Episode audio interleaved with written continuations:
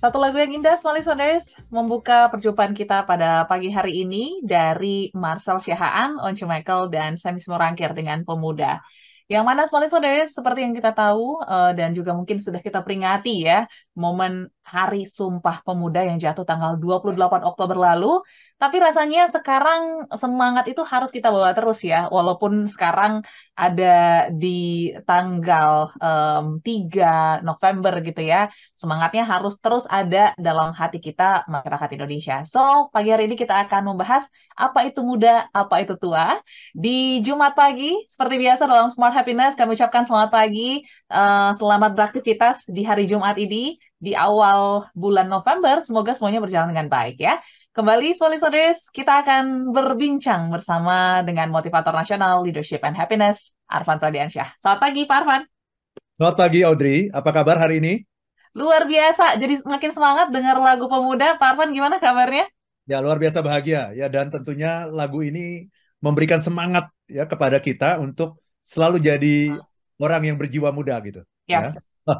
oh kita uh, banyak gitu ya masyarakat Indonesia yang kalau ditanya umur uh, pengen itu uh, apa ya terdengar ataupun mungkin dikira muda gitu ya Pak Irfan ya. ya. Tapi uh, ya umur nggak bisa bohong gitu. Tapi kalau orang-orang mengatakan ya nggak apa-apa umurnya yang mungkin matang ataupun tua gitu ya, tapi ya. jiwanya tetap muda. So Uh, Pak Arfan, kenapa sih kita harus bahas topik ini gitu di pagi hari ini uh, dan dibuka gitu ya dengan satu lagu yang menurut Audrey harmonisasinya oke okay banget dari tiga penyanyi um, lelaki di Indonesia yang punya karakter yang kuat ya. Mungkin kita bahas dulu dari lagu Pemuda yang dibawakan oleh trio ini. Silakan, Pak Arfan. Ya, uh, terima kasih banyak uh, Audrey. Ini uh, lagu lama, tapi saya kira ini lagu ini uh, terus relevan ya. Yes. Uh, dari zaman ke zaman, dari masa ke masa. Ini diciptakan oleh uh, Chandra Darusman. Kalau dulu tuh ada kelompok namanya Cesairo. Oke. Okay. Cesario itu itu yang sangat uh, uh, lagu-lagunya bagus-bagus sekali ya dan uh, selalu relevan. Ketika kita bicara mengenai pemuda, saya kira saya belum menemukan lagu yang lebih baik dari lagu ini gitu. Mm-hmm. Ya. Jadi mari kita lihat ini uh, apa yang disampaikan oleh C. Cesairo ya dalam lagu ini uh, Chandra Darusman. Jadi um, kalau kita lihat uh, syairnya, pemuda ke mana langkahmu menuju? Apa yang membuat engkau ragu tujuan sejati menunggumu sudah tetaplah pada pendirian semula. Ya, jadi yang membuat kita ragu itu sesungguhnya adalah karena kita nggak jelas mau pergi ke mana gitu. Ya, karena kalau kita sudah jelas mau pergi ke mana, ya kita tinggal menyiapkan saja langkah-langkah yang perlu kita lakukan supaya kita sampai di tempat tujuan kita.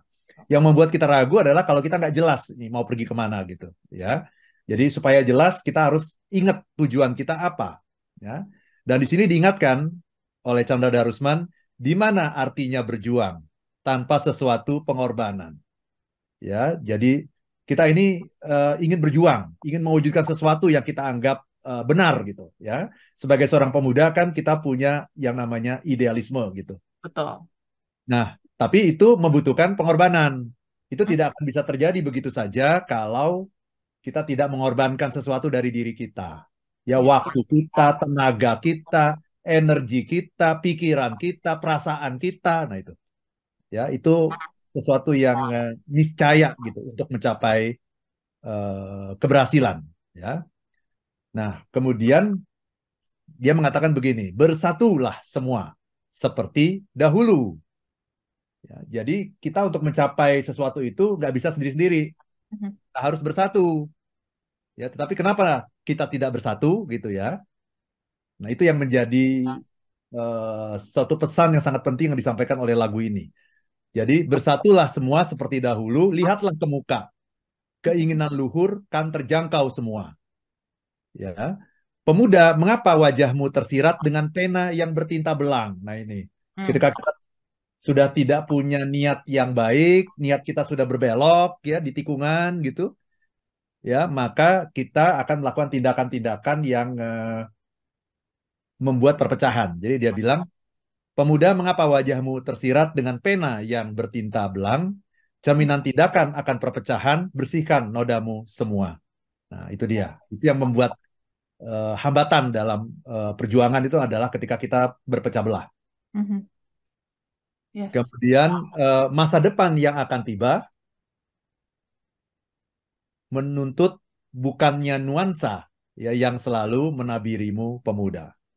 Ya, jadi untuk menyongsong masa depan kuncinya cuma satu, bersatulah semua seperti dahulu, lihatlah ke muka, keinginan yang luhur kan terjangkau semua. Ya, Hmm. lagu yang luar biasa. Oke. Ada tadi lirik bersatulah gitu ya. Tapi kalau kita lihat judul pagi hari ini, kok ada yang muda, ada yang tua. Nah, ini sebenarnya em, makna yang ingin disampaikan Pak Arfan pagi hari ini tuh berkaitan dengan Sumpah Pemuda seperti apa? Karena kan kalau ngomongin pemuda ya identiknya dengan muda gitu ya. Mungkin tua dikesampingkan dulu karena kayaknya nggak menggambarkan atau mendeskripsikan. So, apa yang menjadi tujuan pagi hari ini, Pak Arfan?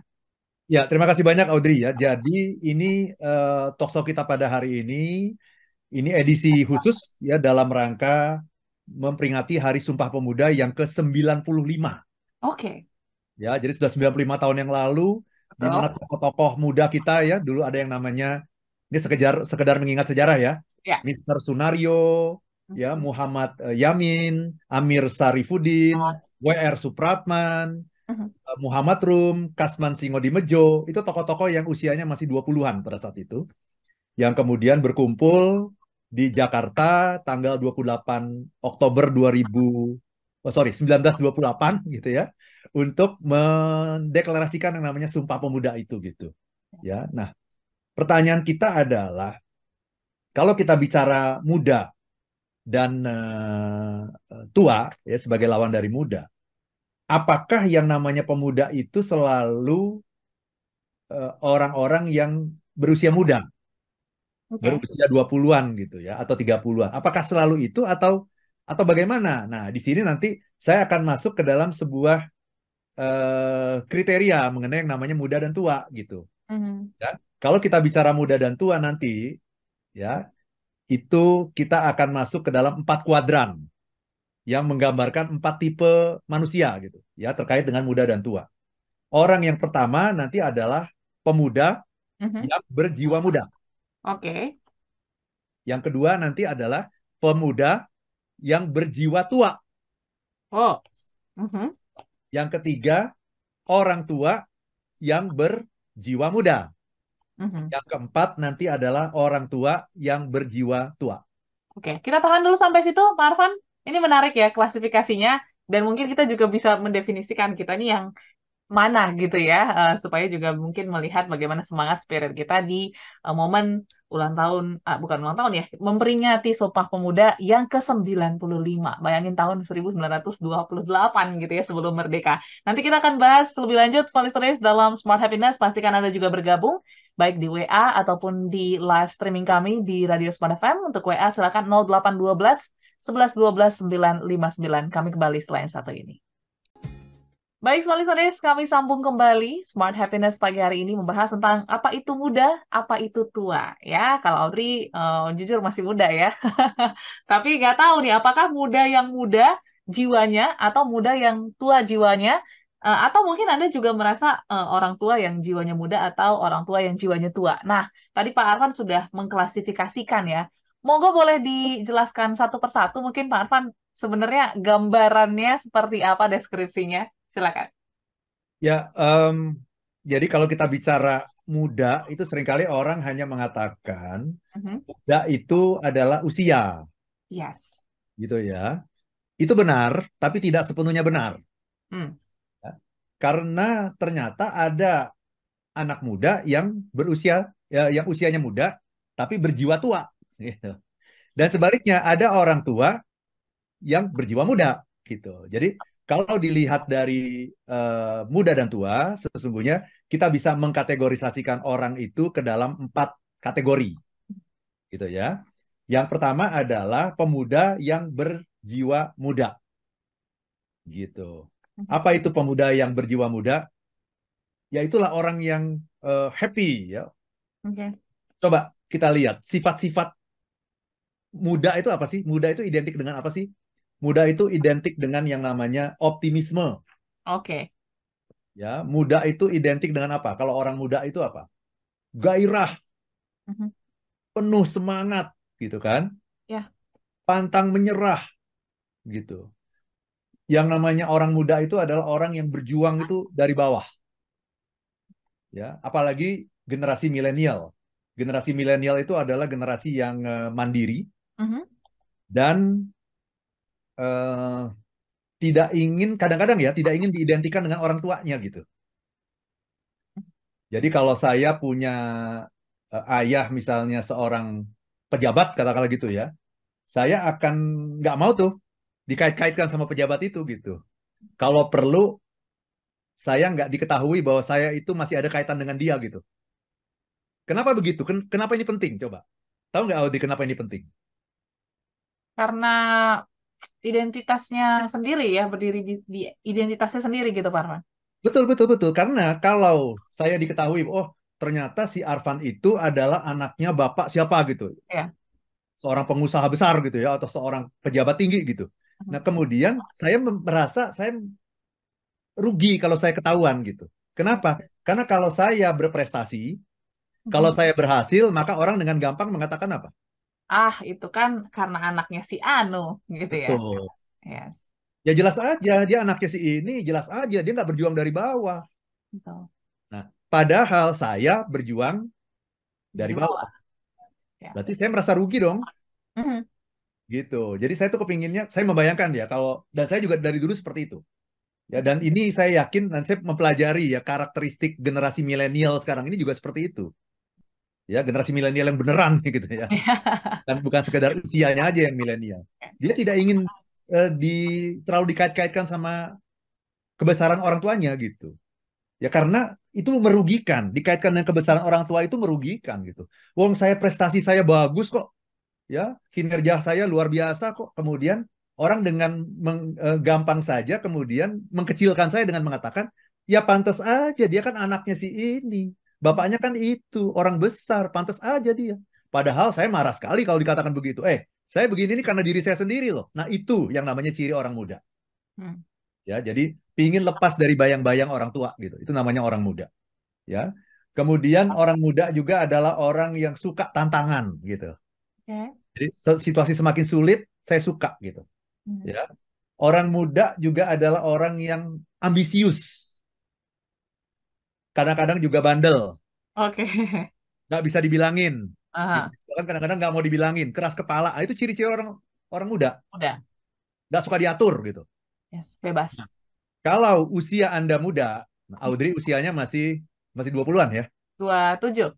Nah, usia 20-an kemudian punya karakter seperti itu, Yes. itu namanya apa? Orang muda yang berjiwa muda. Pemuda. Yes. Nah, itu kriteria yang yang pertama tuh. Kenapa kita perlu bahas tadi? Siapa apa itu muda, apa itu tua? Nah, itu yang Hmm. muda dan muda. Eh, umurnya, usianya muda, secara biologis muda dan secara psikologis juga muda. Itu namanya eh, orang muda yang berjiwa muda. Nah, yang kedua adalah orang muda yang berjiwa tua. Tua. Oke. gitu. Ada orang-orang muda yang berjiwa tua. Itu namanya eh, kaum eh, fatalis, fatalis yang eh, ya udah ikut orang tua aja gitu ya. Ya udah nggak usah macam-macam dan mereka selalu mengatakan begini misalnya, udahlah eh, nggak usah macam-macam lah, ya. Udahlah, nggak usah cari masalah, nggak usah repot-repot. Kita begini-begini saja gitu. Cari aman ya.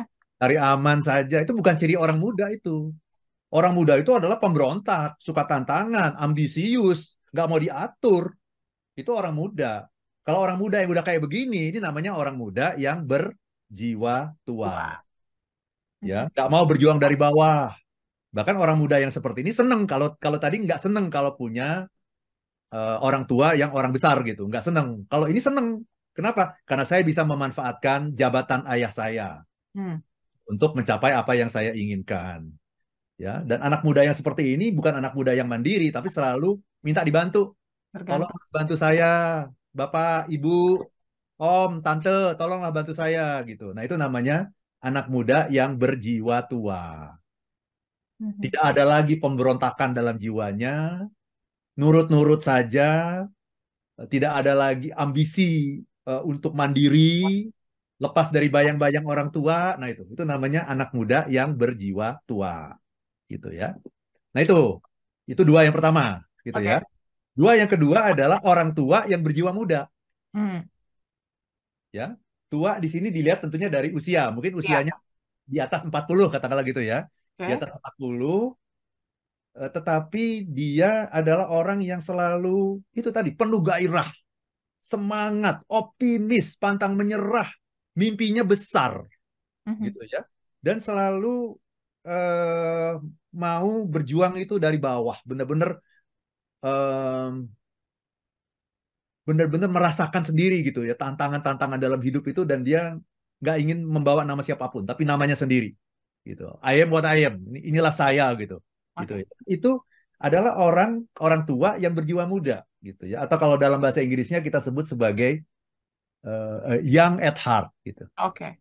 young at heart itu kan ada lagu lama itu kan eh, young at heart itu ya itu adalah orang muda yang ber, eh, berjiwa tua. Eh sorry, orang tua yang berjiwa muda gitu ya. Terus sama semangatnya sama-sama anak muda tuh nggak ada bedanya. Cuma usianya aja yang membedakan. Tapi kalau semangatnya nggak ada bedanya. Perjuangannya nggak ada bedanya. Pantang menyerah nggak ada bedanya. Tetap nggak mau diatur, mau jadi dirinya sendiri, independen. Nah, itu Mhm. ya. Nah yang terakhir, yang keempat adalah orang tua yang berjiwa tua. Oke. Nah, orang tua itu secara us- umur biologis dia masuk kategori orang tua, artinya usianya itu mungkin 40 ke atas lah gitu, ya. Mhm. Tetapi eh, jiwanya juga tua. Jiwa tua itu adalah apa? Nah, kalau ini pantas. Pantas Audrey, orang tua yang berjiwa tua tua. itu pantas. Kenapa? Karena dia sudah pernah mengalami semuanya. Ya. Waktu dia usianya muda itu dia udah mengalami segala macam pengalaman sehingga sekarang dia tinggal menikmati istilahnya. Dia sudah sampai pada level, pada stage menikmati. Dan saya mengatakan orang yang seperti itu eh, itu pantas, itulah yang namanya wise. Oke. Itulah yang namanya orang yang bijak. Kenapa? Dia sudah tua dan jiwanya juga tua gitu, berjiwa tua. Jadi dia sudah sudah bukan dalam fase untuk berjuang, ingin mimpi macam-macam lagi, udah enggak. Dia sudah mencapai semua itu, dia tinggal menikmati sekarang ini. Ya, dan dia sudah bisa memberikan wisdom gitu ya kepada generasi yang lebih muda bahwa eh dulu saya melakukan ini ini ini gini loh hasilnya. Ini loh yang harus kamu lakukan nih sebagai anak muda. Nah, gitu. Oke. Itu namanya orang tua yang berjiwa tua. Tua. Oke. Nah, Gitu, kalau misalnya aku tarik gitu ya, oh, Ya, berarti yang mungkin ya, ini correct me if I'm wrong, Pak Arfan. Yang ya, tepat adalah pemuda jadi eh, punya jiwa yang muda dan eh, orang tua yang punya jiwa tua dan berkolaborasi. Apakah benar? Nanti kita akan bahas setelah yang satu ya. ini, Arfan. Dan gimana kaitannya em, tadi gitu ya, hal-hal ini empat empat eh, jenis ini kepada Sumpah Pemuda yang jatuh tanggal 28 Oktober lalu. Kita akan bahas setelah ini. Dan untuk Anda yang ingin bertanya, monggo silahkan ya di 0812 11 12 959.